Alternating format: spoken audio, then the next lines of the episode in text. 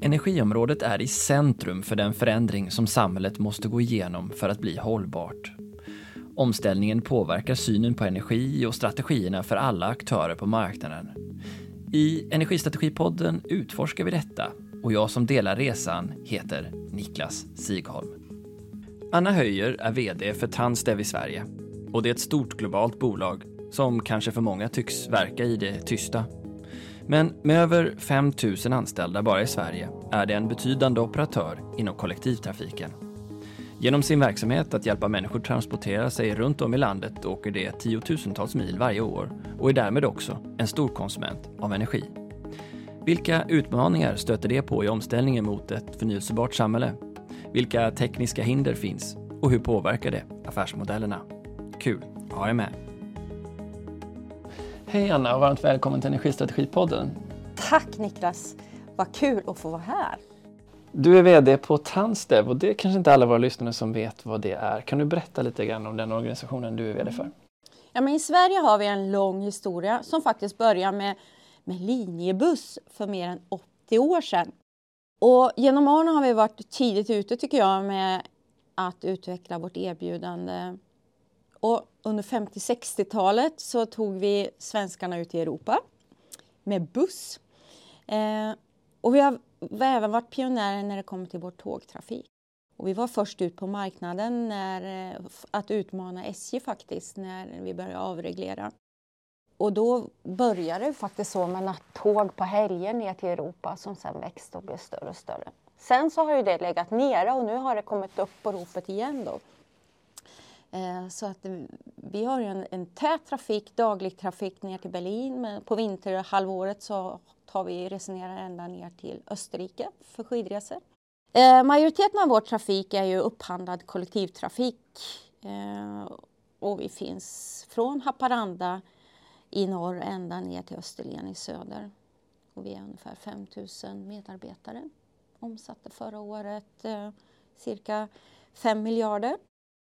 Vad ska jag mer säga? Jo, när jag säger att vi är 5 000 medarbetare idag så vi kommer vara bra mycket mer för vi välkomnar 1400 nya medarbetare bara till Stockholm i år genom att börja då, eh, drifta Roslagsbanan och sen två stora busskontrakt i, i norra delen av stan. Så det ska bli jättespännande och kul att vi, att vi kommer vara så stora i Stockholm just tycker jag. Och precis som gruppen i övrigt så har vi ett brett erbjudande eh, både med buss, färdtjänstbilar, fartyg, spårvagnar och tåg. Och dessutom, förutom det, så erbjuder vi ju service för tågersättning. Alltså när inte tågen går så ser vi till att ni får ta vart ni ska med buss istället. Och vi bedriver också charterbusstrafik. Och sen så har vi också våra autonoma fordon nere i Linköping, ett par stycken som faktiskt har blivit tre här nu under våren. Det är jättekul. Och det gör vi i ett stort forskningsarbete. Det är det man ska vara uppmärksam på om man går på en buss så kan det stå ett litet tandstäv på bussen som man kanske inte ja, tänker på. Och du kan kanske när du är så trevlig och säga hejsan svejsan busschaufför så, så kan du se på, på tröjan eller på, ja, på jackan att det står Transdev också. Men ofta så är det ju regionens eh, och huvudmannens eh, emblem som, som vi känner igen egentligen. Vad har ni ert eh, internationella huvudkontor? Ja, vi är ju faktiskt en, ett internationellt bolag med huvudkontor i Paris. Totalt sett så är vi ju 80, drygt 80 000 anställda. Totalt sett så, så verkar vi i 18 länder runt om i världen, eh, varav det största landet är ju då Frankrike.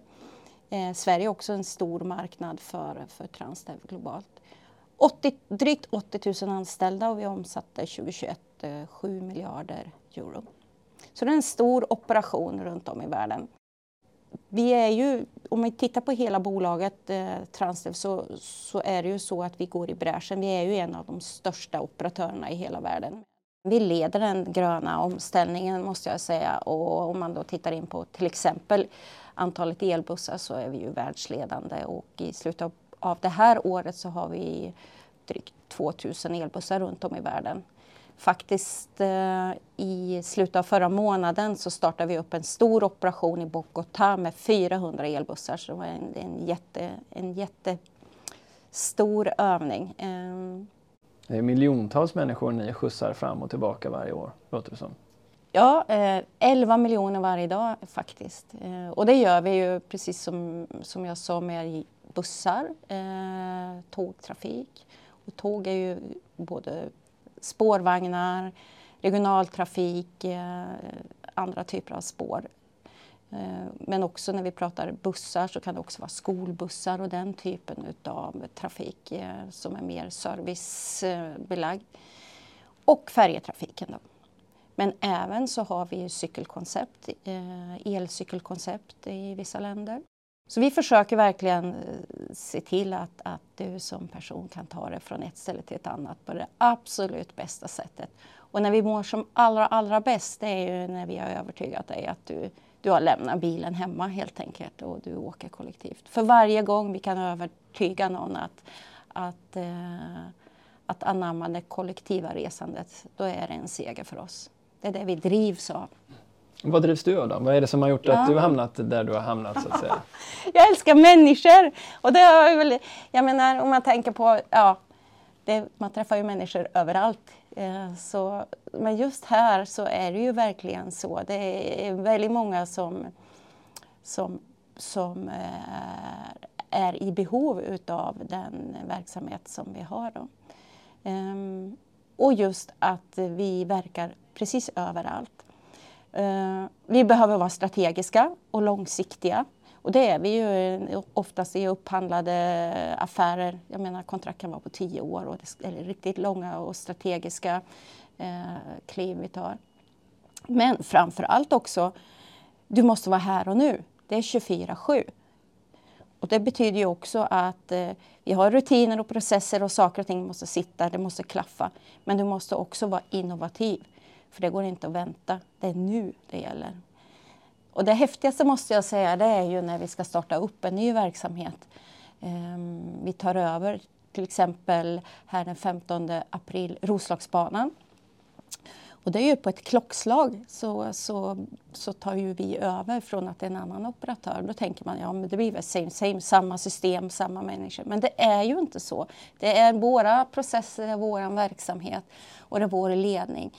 Eh, just för Roslagsbanan så är det ju en basbemanning som vi får, vi får med. Det ingår i avtalet att, att, eh, att vi erbjuder dem som, som driftade under en annan operatör och, och fortsätta hos oss. Men det, blir, det är ju under vår trafik. Och just att se till att över en sekund att det där fungerar. Det är jättehäftigt för det kräver att alla är engagerade, alla har fokus. Det är som om, ja, du, hinner, du kan inte träna det är som om du är en skådespelare, du går ut på scenen på premiären, det måste klaffa. Det är precis samma sak här. Men du har ju erfarenhet också från eh, tågbunden trafik sedan tidigare arbeten. Är det så att transport har gått igen i ditt eh, arbetsliv? Alltså jag började ju min uppväxt eh, på ABB eh, och sen eh, några, ja, på ABB och det var på den tiden hette ABB Atom. Det är ju Westinghouse i Västerås. Eh, fyra, fem år som ingenjör där. Eh, därefter så spenderade jag över 20 år på Saab, försvars och säkerhetsbolaget i alla möjliga olika roller. Från systemingenjör, eh, jobba med projektledning, eh, affärsledning, eh, marknadsföring, eh, anbud. Ehm, och sen efter det, så när jag hade lämnat eh, försvars och eh, säkerhetsbranschen så klev jag in i, i eh, transportbranschen egentligen då. På, på Bombardier, som idag heter Alstom, eh, som, som Nordenchef. Och jag måste säga, det är inte så jättestor skillnad om man är i försvarsbranschen eller om man är i transportbranschen när man pratar om upphandlad verksamhet. För det är ju, man pratar långa kontrakt, eh, hög, hög tekniknivå på, på de produkter. Jag menar Saab utvecklar och tillverkar, gjorde eh, Bombardier och eh, nu då Alstom. Man utvecklar, tillverkar, levererar eh, en produkt som sen tas i tjänst och nu är jag i den tjänstedelen. Men det är ju de här coola produkterna med väldigt stor teknikhöjd som finns i branschen. Så du nu istället opererar istället för att tillhandahålla då alltså? Precis. Först trodde jag faktiskt att jag drevs utav att det var coola produkter men jag insåg sen när jag hamnade in på spåret att vara en operatör, att det är ju faktiskt människorna bakom de coola produkterna som det är det jag drivs av. Det är därför jag kommer tillbaka till människorna just. Eh, att se hur, hur, eh, hur man kan få en organisation och man kan få kunder att faktiskt enas kring ett gemensamt mål. Och i det här fallet är ju målet att, att se till att så många som möjligt kan färdas i kollektivtrafiken. Klimatpolitiska rådet, eh, men till lika även flera andra eh, utredningsmyndigheter har ju beskrivit att vi har fyra olika områden att jobba med och där är elektrifiering av transporter en sån väldigt stor och viktig del för att vi ska nå ett netto noll-samhälle. Varav då det just beskrivit att ni är en stor aktör. Hur ser ni nu de viktiga stegen ni har att ta och hur formar ni er strategi kring att bli Eh, klimatneutrala?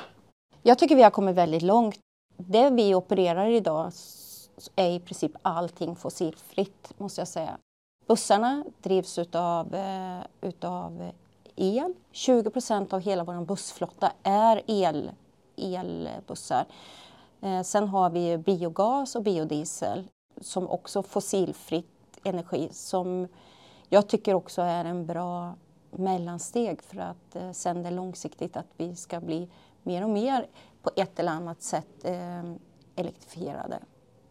Är det så ni ser på det, um, att det är um, helt elektrifierat som är vägen framåt eller är de förnyelsebara källorna från skogen någonting som ni kommer fortsätta att jobba med? Men jag tror att det kommer att bli olika, eh, olika källor. Vi kommer aldrig nå 100 procent eh, på ett spår. Och det är ju också ehm, det är också så att de olika, om vi pratar om stadstrafiken till exempel, där, där ser vi att tekniken har kommit så långt och där har vi ju möjlighet att kunna, kunna ha eh, en, en typ ut, utav energikälla. Men när vi har de här regionala och mer lång, långa sträckorna, då behöver du hitta andra, andra bränslen. Då.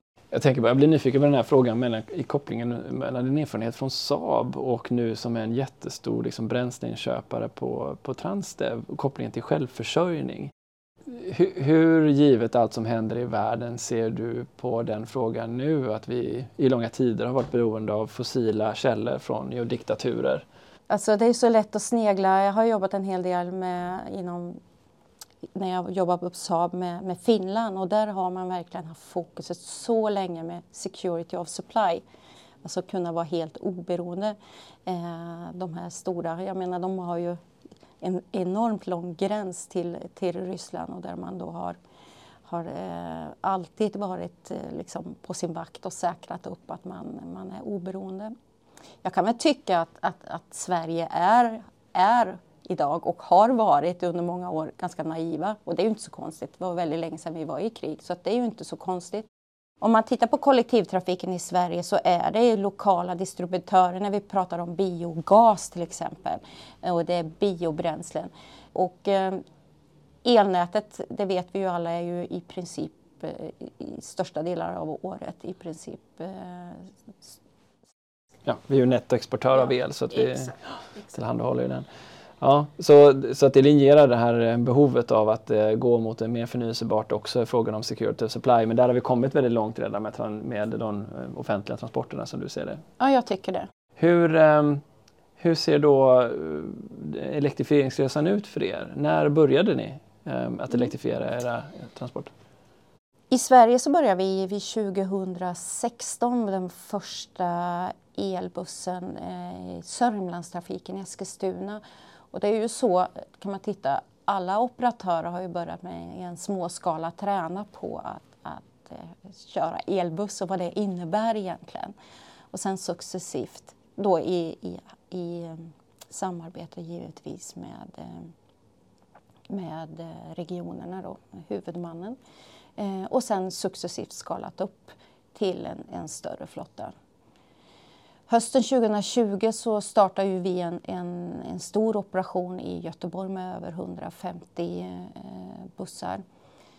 Ehm, och det var ju den, det är ju fortfarande den största elbussflottan som, som driftas i Sverige. Och det var också första gången vi, eh, som man skalade upp med, med den stora volymen. Vilka är, vilka är det som ingår i det här så att säga, nya ekosystemet av eh, aktörer som ni behöver ha runt omkring er för att lyckas med en sån här elektrifiering? Ja, men jag måste ju säga det är ju från att finansieringen som sådan, att, att kunna hitta gröna finansieringsalternativ och, och den kommersiella modellen som, som krävs. För det är ju så att eh, elbussarna är ju mer än dubbelt så dyra jämförelsevis med en, en kommersiell buss vilket innebär att du behöver ha en helt annan finansiell modell. Så redan där och då är det banker och andra finansiella uh, institut som, som stöttar uh, kopplat till det. Jag tar gärna exemplet i Göteborg. Vi är fantastiskt stolta över vad vi, vad vi, vad vi har gjort i Göteborg och, och jag vet också att vi har en huvudman i, i Västtrafik som, som gillar oss jättemycket. Vi gillar varandra kan jag säga och det har, har faktiskt tagits fram i samverkan. Och redan måste jag säga 2000 cirka 16. Då startade man upp ett projekt som heter Electricity i Göteborg. Där då operatörer som Västtrafik, men även där var inblandad Volvo, ABB, vi var inblandade, Göteborg Energi mm. och många fler. Och det är ett stort projekt som har pågått där man har jobbat eh, tillsammans för att identifiera både risker och möjligheter och hur man skulle kunna utveckla och förbereda för att faktiskt kunna gå i en storskalighet. Då. Vad har varit det mest utmanande där? Har det varit att få till tekniken och få fram bussarna och, och det som behövs kring laddningen eller har det varit affärsutvecklingen? Vem är det som betalar för vad? Och hur, vad, vad, vad säger du? Vad tänker du då? Det, har nog, det är nog både och i det fallet. Och man ska ha respekt för att det tar tid. Och speciellt när vi, man utvecklar nya affärsmodeller så tar det tid. Och den pågår ju fortfarande, den, att utveckla den modellen. Vi kan ju säga att den är kanske inte riktigt färdigutvecklad än utan den kommer att, att, att fortsätta. Eh, för till exempel om man tänker på hur man hanterar eh, batteri till exempel och eftermarknad för batteri men även eftermarknad för, för bussar min fundering egentligen är att det, det är ju när, när sådana här nya typer av samarbeten kring nya ekosystem uppträder så blir ju alltid en fråga om vem får vilken del av vilken marginal. Mm. Eh, vem behöver vad för att tillhandahålla mm. nyttigheten och tekniken och, och möjligheten till transporter? Ja, och då, och då har ju växt, fram olika, liksom, jag kan tänka Eh, det finns en viss, från Energimyndigheten, ett visst bidrag eh, för att kompensera för den extra kostnaden, till exempel ökade kostnaden för, för elbussar jämfört med med konventionella till exempel. Så det växer ju fram en modell och just den här, den här bidragsdelen har ju den förlängde man nu, men nu ser den lite annorlunda ut för nu är det större volymer som har kommit ut på marknaden och man vill liksom öppna upp till att fler ska kunna, kunna få den typen av bidrag. Då. Är bidragen fortfarande nödvändiga för att affärerna ska bli av? Ja, det måste jag säga att det är verkligen så att det behövs.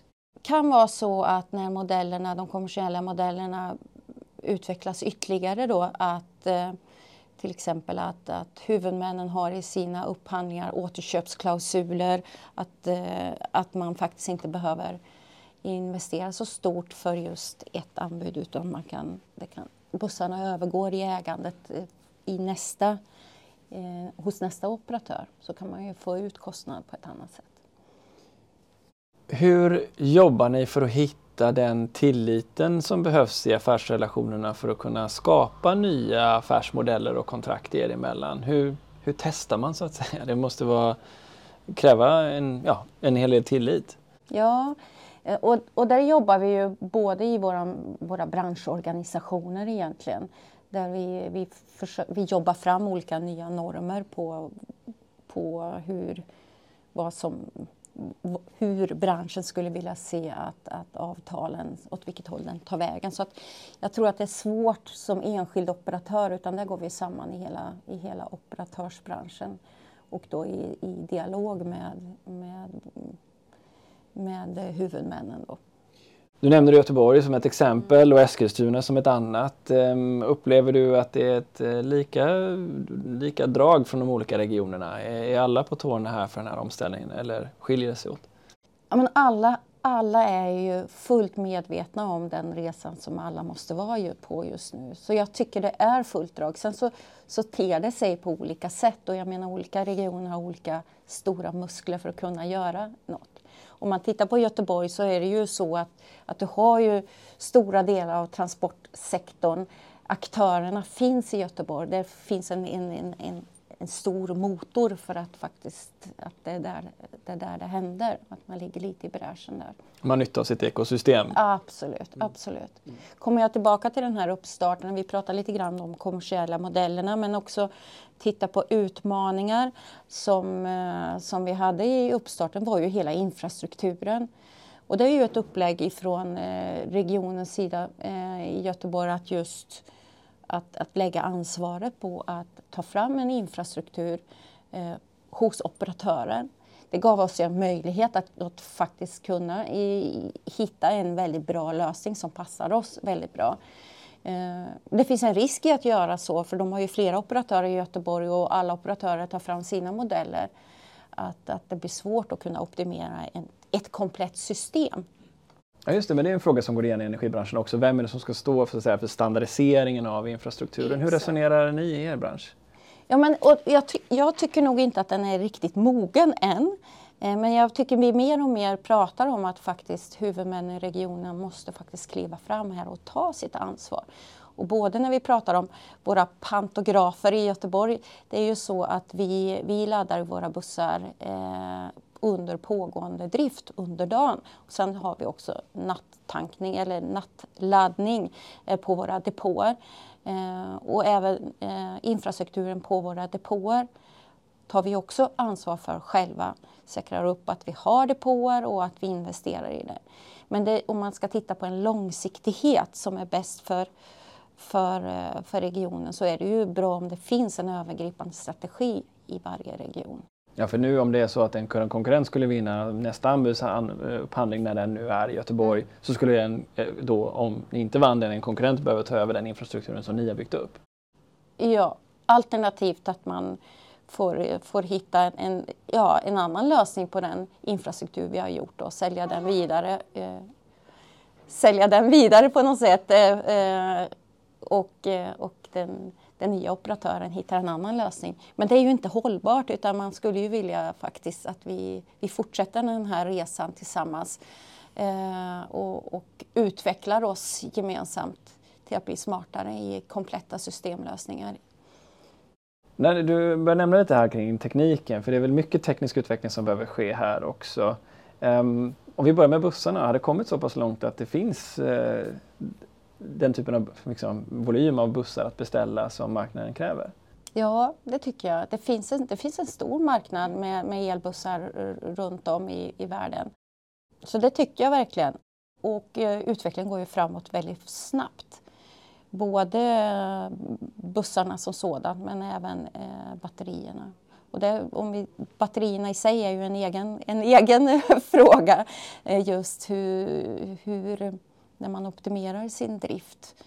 Vad, vad, har batterierna för kapacitet och hur utvecklas de? För från, från ett år till ett annat så är det ju en helt annan effekt, ett annat effektuttag så att det går ju väldigt snabbt. Hur stort är ett, ett batteri i en buss ungefär? Ungefär mellan 250 300 kilowattimmar har ett batteri på. hur långt kan jag färdas med ett sådant batteri? Vi laddar det på morgonen, ja ungefär 20 mil skulle jag säga. Och det räcker för en hel dag stadstransporter för en normal buss ungefär? Eller? Ja, mer eller mindre och det är det man försöker optimera. När vi, när vi dimensionerar eh, hur många bussar vi behöver för en viss operation, då tittar vi ju givet på, givetvis på det. Och det kom vi ju fram till i Göteborg att genom att vi, att vi laddar kontinuerligt under dagen så kan vi ju då få ut mer, eh, mer på en dag och därmed så kunde vi också dra ner på antalet bussar faktiskt. Ser ni någon trend eller har ni någon sån trendspaning? Är det den här, den här typen av eh, uh, on the go-laddning via pantografer som är vägen framåt eller är det centraliserade depåer för stora eh, effektuttag samlat? Vad, vad tror du? Det är olika. Tittar man runt om i världen så, så vissa länder och vissa så säger man nej, vi vill inte ha pantografer och det kan vara av anledning att de tycker de är fula i, i, i stadstrafiken i landskapet och andra tycker att de kan vara sköra eh, ut, alltså utifrån eh, att de, man kan köra på dem. Och utifrån vad vi säger och vad vi förespråkar så är det ju ett bra sätt om man nu kan få en, en god optimering eh, utav, eh, utav eh, laddningen. Så att det där, jag kan väl säga att det är som en, eh, en eh, det är två delar idag, två opinioner som inte riktigt har, har enats. Och jag tror att det kommer ta ett tag, utvecklingen kommer fortsätta och tekniken kommer fortgå. Så vad som är bäst, det, det, tror jag nog framtiden får säga. Du kommer få se både och under en lång tid. En sak man tänker på speciellt kring Göteborg är den stora diskussionen som har varit om bristen på effekt för staden och regionen som helhet. Eh, och någonting vi återkommer till i podden, både diskussioner med Svenska kraftnät men såklart också med företrädare från Göteborg. Hur upplever ni att det är att få tillgång till den effekt och energi som ni behöver för att kunna köra en hel elektrifierad eh, fordonsflotta? Vi har inte stött på några, några riktiga problem faktiskt ärligt talat och jag tror att det är lyckosamt för den här branschen och speciellt, eller speciellt för kollektivtrafiken att vi, vi bedriver en samhällsnyttig tjänst så därmed är vi prioriterade. Men över tiden det är självklart att det, det finns risker. Och jag, därför jag också förespråkat att den här debatten pågår och att det faktiskt medvetande görs. Att vi på olika håll i, liksom kraftsamlar för att eh, bli bättre på alla fronter. Hur ser ni då på el som en insatsvara för era bussar? Den har ju, eh, om man bara blickar ett år tillbaks i tiden, onekligen varit mer volatil än eh, de klassiska fossila transportslagen. Hur påverkar det er affär och hur möter ni den utmaningen? I kollektivtrafiken så, så indexregleras ju de här avtalen. Det betyder att går, går priserna upp så, så kompenseras vi för det. Med, jag ska säga att det finns ju slack i de här indexkorgarna, alltså att det kan ta upp till sex månader innan, innan vi får en kompensation. Ehm, så därmed så kan det ju bli lite stökigt i alla fall. Pratar jag om den kommersiella verksamheten som vi bedriver så slås, slår det ju stenhårt direkt. Gör det. Och vad gör ni då? Ehm, vad har ni för strategi för att möta en allt mer osäker marknad? Dels så håller vi ju en, en, en pågående diskussion med, eh, med kraftbolagen för att se hur, hur kan vi binda våra kostnader så att vi har en predikterbarhet eh, framgent. Det är det ena och det är ju en självklar sak. Men sen är det ju så att kunna ha en flexibilitet i våra drivmedel och komma tillbaka till bio, våra biobränslen också. Att vi har flottor som, som har en flexibilitet att kunna alternera eh, mellan, eh, mellan till exempel HVO och RME på vår bio, biobränslesida. Är väl inte det en fördel då för alla biobränslebussar som ni har, att det är mer förutsägbart där än vad det är på elsidan just nu i alla fall? Just nu kan man ju säga så.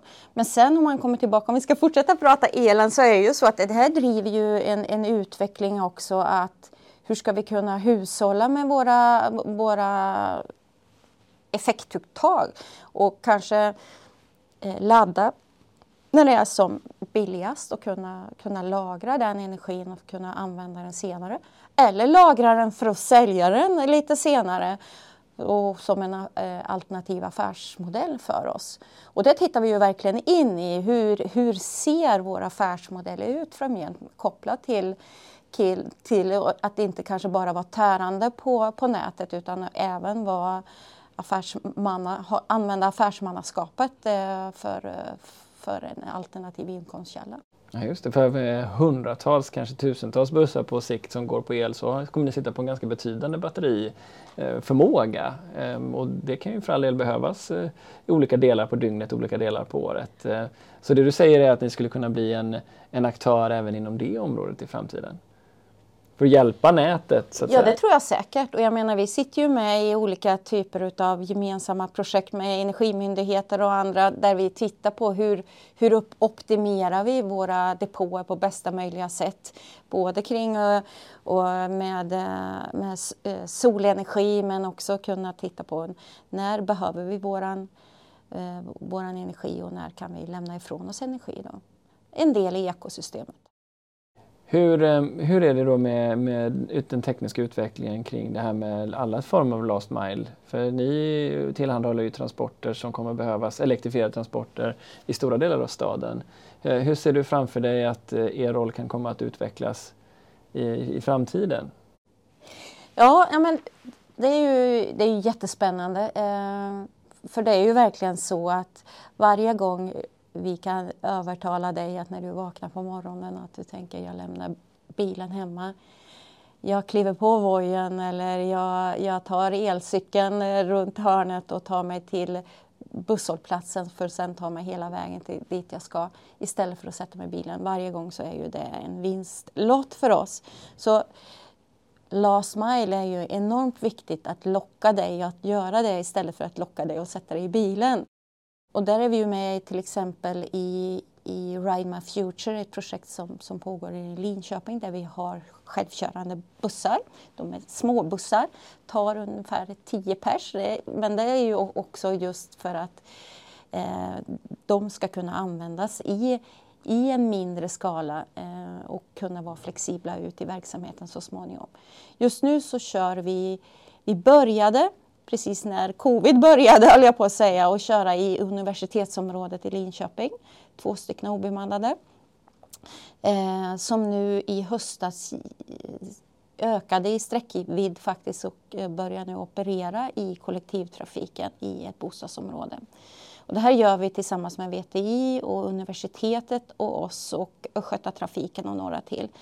Eh, och då tittar vi på hur, vilka behöver färdas med det här för att faktiskt göra sin vardag eh, mycket lättare. Det kan vara äldre, det kan vara Eh, rörelsehindrade, eh, barnfamiljer med barnvagnar, matkassar och alla barn. Eh, så där pågår en hel del olika typer av forskning kring det här. Till exempel en dag så vet jag att det var en, en klass med, med, med eller dagisbarn som provade sina vinteroveraller som de gled runt där på sätena för, så att det skulle vara säkert. Men vad är det för typ av säten som ska finnas där för att det ska vara säkert för, även för dagisbarnen. Så att det är olika typer av projekt som vi faktiskt är med i för att det ska bli så bra som möjligt. Eh. Kan man se det framför sig då att eh, även era system kommer bli kanske mindre modulariserade och mer specifikt anpassade för exakta behov? Eh, är det en tolkning jag kan göra? Men så är det. Alltså, du kan ju se att våra storstäder kommer att bli ännu större och där kommer vi ha en typ av trafik, matartrafik med stora massor, stora volymer utav, av resenärer. Sen ute i landsbygden och där det inte är lika höga volymer så kommer vi ju ha anropsstyrd eh, trafik och varav till exempel de här eh, obemannade eh, autonoma bussarna är ett, ett alternativ. Du som, eh, om vi som eh, lånar ditt perspektiv lite grann, du som sitter på en, i en organisation som är så internationell med marknader både i Frankrike och Tyskland, USA, Nederländerna, Australien. Skulle ni, ser ni samma typ av utveckling överallt? Ligger Sverige särskilt långt fram i någonting eller vad tycker ni? Vi samverkar väldigt mycket mellan våra länder och jämför. Och i, om, när det kommer just till elektrifiering till exempel, där ligger vi ju väldigt långt fram. Eh, det är vi och Holland som är nummer ett, förutom Bogotá nu då som går igång med 400 elbussar här som har precis har gått igång. Um, så där ligger vi långt fram och också måste jag säga kring miljötänket och, och eh, alternativa eh, biobränslen eh, så ligger vi långt fram. Frankrike till exempel är ju duktiga på, på just on demand. Eh, så där tittar vi in hur, hur de eh, hanterar den, den typen av lösning. Men även andra lösningar eh, sneglar vi på, på Frankrike till exempel när det kommer till eh, de här stora matartrafiken in till Paris. Att, att skapa möjligheter för att kunna faktiskt eh, transporteras effektivare. Kommer vi behöva så många parkeringsplatser i städer? Det pratas ju ibland om att vissa städer har en väldigt stor del av sin yta ändå upplåten för just parkeringsplatser. Jag tycker nästan tvärtom. Ja, du har rätt, men det här är ju snarare till exempel att du ska ha en, en stor bil, bilparkeringsplats långt ute på, på vischan och där vi har då bussmatartrafik som tar, tar oss till kanske en, en järnvägsstation så att du snabbt kommer in. Och på det sättet så behöver du inte ta in bilarna in i centrala delen av, av staden. Du behöver inte alla dessa parkeringsplatser i staden utan du hittar andra, andra lösningar. Hur snabbt ska er omställning gå? När kommer den sista eh, fossildrivna bussen att rulla i Sverige tror du? Jag tror att det kommer gå ganska fort. Ehm, jag tror att alltså, vårt mål är ju att vi 2030 har fossilfri kollektivtrafik mer eller mindre. Ehm, och 2030 så ska ju 40 procent av alla våra resor som vi gör vara kollektiva. Jag skulle vilja säga att hälften av våra resor 2030 ska vara kollektiva men där vi, är vi inte riktigt än, men nära. IEA kom med en lista om för åtgärder som Europa snabbt skulle kunna inrätta för att komma till rätta med att spara tillräckligt med energi för att slippa eh, importer exempelvis då från Ryssland. Där en stor del handlade just om att möjliggöra för billig kollektivtrafik och att till och med förbjuda bilar med jämna registreringsskyltar vissa dagar, ojämna registreringsskyltar andra dagar. Hur mycket, hur mycket liksom, beteendeförändring skulle vi kunna göra här som ni ser det? Vad är bara gammal vana att vi kör in till stan som vanligt och vad är en, en de facto serviceförbättring eh, som behöver ske? Eller, eller är det att vi mest bara är lata nu och tar bilen för att vi är vana? Jag vill inte uttrycka det så att vi är lata, utan, men vi eftersträvar trygghet. Och vi måste ju hålla det vi lovar. Vi måste bli ännu bättre på att vara punktliga. Vi måste ha fräscha fordon städat så att, och att vi känner oss trygga när vi färdas med oss. Så att det är det mest naturliga eh, valet för oss helt enkelt. Vad behöver städerna göra då för att ni ska klara av att, att uppfylla det? Ja, men det är, självklart så måste vi prioritera att det finns speciella linjer som är, eller lanes, eh, filer som är för, för kollektivtrafiken och BRT-lösningar, att du har eh, snabba snabba strukturer eh, för, för att ja, kollektivtrafiken måste prioriteras. Och det är en samverkan mellan både regionerna och kommunerna. För det är kommunerna som, som, som tar fram eh, infrastrukturen i våra städer. Då. Så om jag har en sån här Bus Rapid Transfer mm. då jag känner att jag kan spara 10 minuter eller kanske 15 minuter på att ta bussen, då, då tar jag den kanske. Det är en avgörande ja, faktor. Plus att där kan du ju faktiskt sätta dig ner och läsa din tidning eller börja förbereda ditt möte. Och känner du att, du har den, att, det, att det, möjligheten finns, att du har ett lugn och du känner dig trygg, att du vet att du får den där slottiden och göra ditt extraarbete som du vill göra eller den stunden för reflektion, då kommer du vilja åka eh, kollektivt helt enkelt. En del av den här energitransitionen eh, som det pratas mycket om nu i Europa är den om energifattigdom, det vill säga att i städerna kan vi prata om möjligheten att införa helt elektrifierade bussar, eh, det kan gå på lokalt producerad biogas. Men så har vi också de här långa distanserna ut eh, på landsbygden. Hur ser ni att ni ska klara av att ställa om till helt förnyelsebart i de långa, långa distanserna som inte är spårbundna då? Ja, men vi är ju redan där idag. Vi använder vårt biobränsle eh, i vår regionaltrafik. Sen kommer det ny, ny teknologi eh, och vi har precis börjat eh, drifta våra ny, första vätgasbussar faktiskt i Sverige. Eh, precis som jag säger så teknologin den, den tillåter småskalighet eh, men, och vi hoppas att vi kommer kunna utveckla och sen att vi kan skala upp precis som vi har gjort med, med elbussarna. Då. Ser ni att ni behöver någonting där för att säkra volymerna av biodrivmedel och kanske vätgas? Vad, vad, behöver ni av marknaden för att tillgodose det behovet som ni har? Här är det ju att fortsätta hålla en, en, en bra kommunikation och säkra upp att det finns producenter, lokala producenter runt om i landet. Men just nu när vi ser att våra bönder har det tufft, då är det klart, då, då kan det, det kan också vara ett, ett en risk för även för vår bransch då, eh, att vi kommer få svårt att få tag på biobränsle. Så det är superviktigt att vi säkrar upp att vi har, en, att vi har ett, ett samhälle som fungerar. Utrymme även för våra bönder. Vi har pratat om utveckling av infrastruktur flera gånger nu men även här kan jag tänka mig för de här både för vätgasen och för biodrivmedlen så är det viktigt att infrastrukturen utvecklas. Hur ser ni på hur den utvecklingen går? Mm. Vi kan ta de här vätgasbussarna då som, som eh, vi har startat upp i Sandviken. Eh, ett projekt tillsammans med Sandvikens kommun. Och där har vi ju problem med eh, vätgaspåfyllning i bussarna. Hela strukturen är gjord för, för vanliga bilar och inte för de här bussarna. Så därför så, så det finns ett ett stycke kvar att önska på infrastrukturen för att det ska, vara, att det ska fungera fullt ut. Då. Och sen måste jag också fråga, med tanke på att det är rätt intressant att du nämner det här med att biobränslen blir viktigt för att garantera att de långa distanserna fungerar. Europa har ju gått ut och sagt att man ska förbjuda förbränningsmotorn men det kan man ju förstå om det är man förbränner fossila drivmedel medan om man förbränner förnyelsebara drivmedel så vore det ju knepigt då att förbjuda det. Hur ser ni på det där? Vill ni fortsätta köra biodrivmedel eller vill ni slå helt över till elektrifiering? Jag tror att det är naivt att säga och tro att vi ska kunna slå över eh, helt och hållet till el, elförbrukning utan det här är en väldigt bra brygga för att ta oss in i framtiden måste jag säga. Så att jag ser just nu ingen, inget slut på, på det stödet vi har via biogas eller via biobränslet. Hur är det med sjöfarten då? Ni står ju även för lokal, eh, vad säger man då, lokaltrafik på sjön. Ja, ja. jag är väldigt stolt över den. För faktum är att i, i, i Stockholm så står vi för 85 procent utav kollektivtrafiken till sjöss och i, i, i um, Västra Götaland och med Västtrafik så, så har vi nästan hela den trafiken.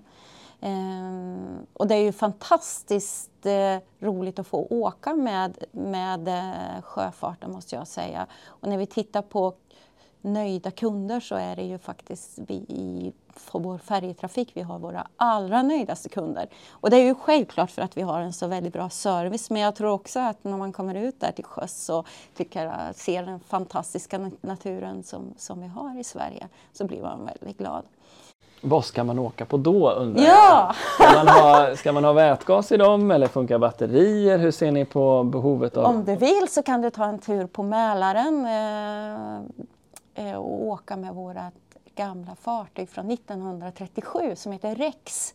Som är ett hybridfartyg. Vi har faktiskt byggt om det fartyget så att det, det går ju delvis på, på el och sen förnyelsebar och vanlig diesel. En mix är det faktiskt. Och jag måste säga det är ju egentligen inom färjetrafiken där vi fortfarande har en utmaning att faktiskt bli ännu grönare än vad vi är idag. Vad ser du där? Vad, behöv, vad behövs för typ av mm. energibärare för att klara av att dra den typen av distanser till havs? Mer och mer att vi faktiskt eh, blir mer och mer bio, biobränsle som rent så att säga, biobränsle och med, med, filter som är anpassade för det. Men också att vi, vi kan fortsätta hybridisera oss eh, kopplat el då och, eh, och eh, bränsle eller biobränsle. Eh, och där krävs ju då en infrastruktur. Vi har ju de här eh, hybriderna både på västsidan och på, på östsidan. Och då är det ju inne i de centrala delarna eh, utav våra städer. Men när det kommer ut på öarna så är det svårare med infrastrukturen. Och då antar jag att vi kommer till hamnarna också. Hur tänker de i att tillhandahålla nya typer av, eh, av energibärare till er? Har ni bra dialoger även med dem? Eller? Där går, just när vi kommit till sjöfarten så har vi ju än så länge mestadels jobbat med våra regioner som i sin tur har stöttat oss där. Men som, precis som jag säger så är det ju en ganska så vi har en bit kvar att göra. Det finns en bit kvar att önska också.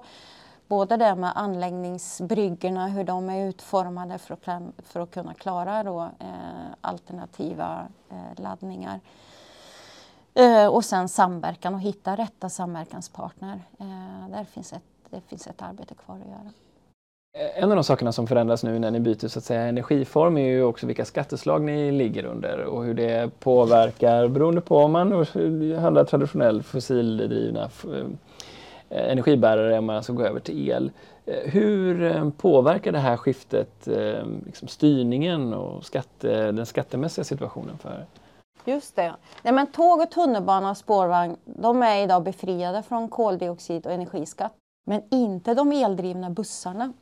Och än mer paradoxalt är väl att eh, fossila bränslen som används för passagerartrafik till sjöss också är undantagna från koldioxid och energiskatt, men inte el. Ja, och vilket det gör att i teorin lönar det sig att, att köra kvar på, på diesel till sjöss och det är ju alldeles jätteknasigt. Så att eh, det, hela systemet måste ju förändras och precis som jag säger just till sjöss så finns det, har vi precis börjat. Och, och som du vet så har vi ju den här elbusspremien och det är ju den vi pratade om förut, den subventionen som vi får när vi köper elbussar och varför inte införa en liknande premie för, för fartyg egentligen, elfartygspremie. Det är ju ett steg. Det kanske är ett första steg att jobba med premier men det grundläggande problemet som du tycks belysa här är att eh, skattesatserna inte lirar med den omställningen som vi önskar ha. Ja men så är det. Så är det. Och där är ju vi som enskilda aktörer och, och sen hela branschen jobbar ju på olika nivåer för att påverka det här. Då. Så eh, om jag summerar ihop det vi har pratat om här idag så ni är på väg in i nya typer av affärsmodeller som ni har kvar att jobba med. Det är nya typer av ekosystem av samarbetspartners som ni behöver fortsätta utvecklas med och det finns en väg, bit att gå där. Det finns en hel del att göra vad gäller den tekniska krav och önskansbilden för att få det här att lira. Vi har skattesatser som fortfarande inte harmoniserar och vi måste säkerställa att det finns ett tryck på alternativen till el för nej, vi klarar oss inte bara med el.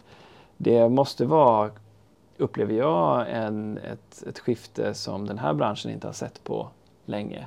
När så här många saker sammanfattas eller förändras Ja, men du har helt rätt och det är ju eh, det är en utmaning men det är också ett, ett driv, en, po en positiv anda som finns i branschen att nu, det är nu det händer. Eh, och vi tittar ju också hur vi, hur vi rekryterar för den, den, den lilla klick som finns i branschen just nu räcker ju inte till. Och vad är det för typ av kompetenser vi behöver till vår bransch för att faktiskt göra de här stora kliven? Och det är ju komplext, precis som du säger så händer det flera saker samtidigt. Många förändringar som kanske vissa branscher har kunnat göra successivt händer ju samtidigt just nu i branschen. Så det är ett jättesug efter, efter både ja, alla typer av kompetenser som vi kanske inte är vana vid i vår bransch att, att, ha, att ha överhuvudtaget. Sen kan du ju säga, utanpå det också så, så, så är det ju, har, har vi ju samma funderingar som alla andra branscher. Det är kring cybersecurity, för vi är ju faktiskt en samhällsaktör och hur, hur säkrar vi upp eh, vår transport? Eh, den, än mer nu när vi, vi känner att, att eh, oron runt om i världen kommer allt närmare oss. Hur ska vi hantera en, en situation? Samtidigt som du nämner ja, ska man jobba mer med avropsbaserad transport så måste ni öppna upp eh, kommunikationen till andra aktörer för att förstå var behoven finns. Jag antar att IT-automation också är en superviktig fråga för er nu framåt. Ja men det är det och hela, jag menar hela hur, hur vi hanterar data. Jag menar, vissa av våra avtal vi har just nu känns nästan som ibland att det är, det är ett IT-projekt på hjul som vi, vi hanterar snarare än ett kollektivavtal. Eh, så att det har ju blivit enormt högteknologiskt som kräver enorma liksom, utmaningar för att vi ska klara av det. Hur jobbar du med din organisation när det blir så här många olika typer av utvecklingsprojekt? Måste ni förändra någonting i er organisation? Hur kommer affärsutvecklingen in och stör den traditionella verksamheten? Vad får det för organisatoriska effekter? är egentligen fråga. Ja, men det, vi är ju ett företag som är är eh, utdistribuerade, alltså var och en långt där ute i tentaklerna måste känna att man, man har ansvaret och man kan bedriva en verksamhet helt själv där ute. Inte helt själv, men nästan. Eh, men när det kommer så här stora förändringar med nya teknikskiften, nya kommersiella modeller och så vidare så är det självklart att vi måste hjälpas åt som en organisation. Så vi jobbar otroligt mycket just nu med att, att ta fram nya processer, arbetssätt eh, för att, för att hjälpa oss alla ute i verksamheten. Men även verktyg, stöd och kompetenshöjning. Då. Vi pratar mycket om de trösklar som finns här nu såklart då i, i podden och det, det, är ju onekligen så att när teknik förändras så kommer trösklar inträffa.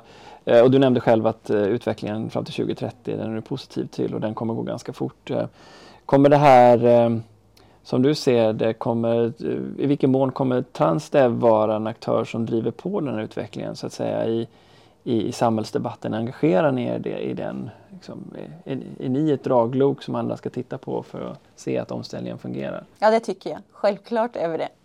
Men vi är ju flera operatörer, men det som vi sticker ut med det är ju att vi, vi, vi är den enda operatören i Sverige som, som bedriver både trafik till sjöss, eh, buss och spår. Då. Eh, och därmed kunna få de här trafikslagen att hänga ihop för att göra en komplett samhällsinsats. Eftersom ni har hela den här internationella verksamheten så har ju en av de sakerna varit hur vi kan få över folk från flyg till tåg ja. med direktlinjer ner till Europa. Eh, hur ser ni på den utvecklingen, att jag ska kunna gå på tåget på centralstationen i Stockholm och kunna åka hela vägen ner till Hamburg utan att hålla på och fippla med massa med olika biljettsystem? Och... Ja men du kan ju nästan det om du åker med snälltåget fast du tar dig till Berlin istället. Om du vill till Berlin så gör du ju det. Då sätter du dig på tåget och det är samma tåg eh, som du kliver av. Och det, det, pågår ganska mycket i Europa just nu. Jag måste ju säga att, att länka, ihop, eh, länka ihop våra biljetter eh, finns det en jätteeftersträvan. Sen finns det strukturer som fortfarande gör att det är, det är knepigt för oss eh, fortfarande. Eh, men, När kommer jag kunna ta tåget ner till Paris till exempel? Det är jag sugen på. Ett snabbtåg ner till Paris. Har vi den viljan i Europa att kunna knyta ihop oss med spår? Summa summarum så, så går det ju liksom. Om man tänker på det vi gör då till Österrike, till Berlin så är det ju samma vagn men vi har olika lok till exempel med olika lokförare. Så att du som person, du sitter i samma vagn men du upplever inte den, den, eh, den eh, komplexitet som faktiskt är som vi påverkas av för att kunna göra den här lilla operationen. Då. Men så även om man behöver byta signalsystem och, och sådär, vad är, vad är vision kring tågtrafiken i Europa? Ni som är en stor operatör trots allt. Vår vision är ju att det ska vara helt seamless för dig som resenär och att du ska enkelt kunna boka din resa och ta dig hela vägen dit du vill. Det är ju vår vision. Sen så säger vi det fjärde tågpaketet, eh, det är olika signalsystem och du behöver ha det, du kunna de, som lokförare kunna de språk som, som du reser igenom så att säga. Och Inte utbildad. vem som det ens. Alltså. Nej, och jag menar du har ju olika spår vidare också dessutom. Så att resan är lång men vår vision måste vara att det ska vara seamless. Annars så är vi lost. Hur positiv är du? Tror du att vi kommer klara av att nå ett netto-noll-samhälle till 2045? Om vi bestämmer oss, vilket jag tycker vi, vi är många som har gjort, många snackar och är lite verksamma, de flesta av oss eh, har bestämt sig, då tror jag på det. Man kan inte göra annat än tro på det, tycker jag. Tack så mycket för att du var med i Energistrategipodden, Anna. Tack Niklas. Nästa vecka träffar vi Truls Borgström regeringens samordnare för arbetet med en nationell elektrifieringsstrategi. Vilka förutsättningar behöver Sverige för att lyckas ställa om? Hoppas vi hörs då.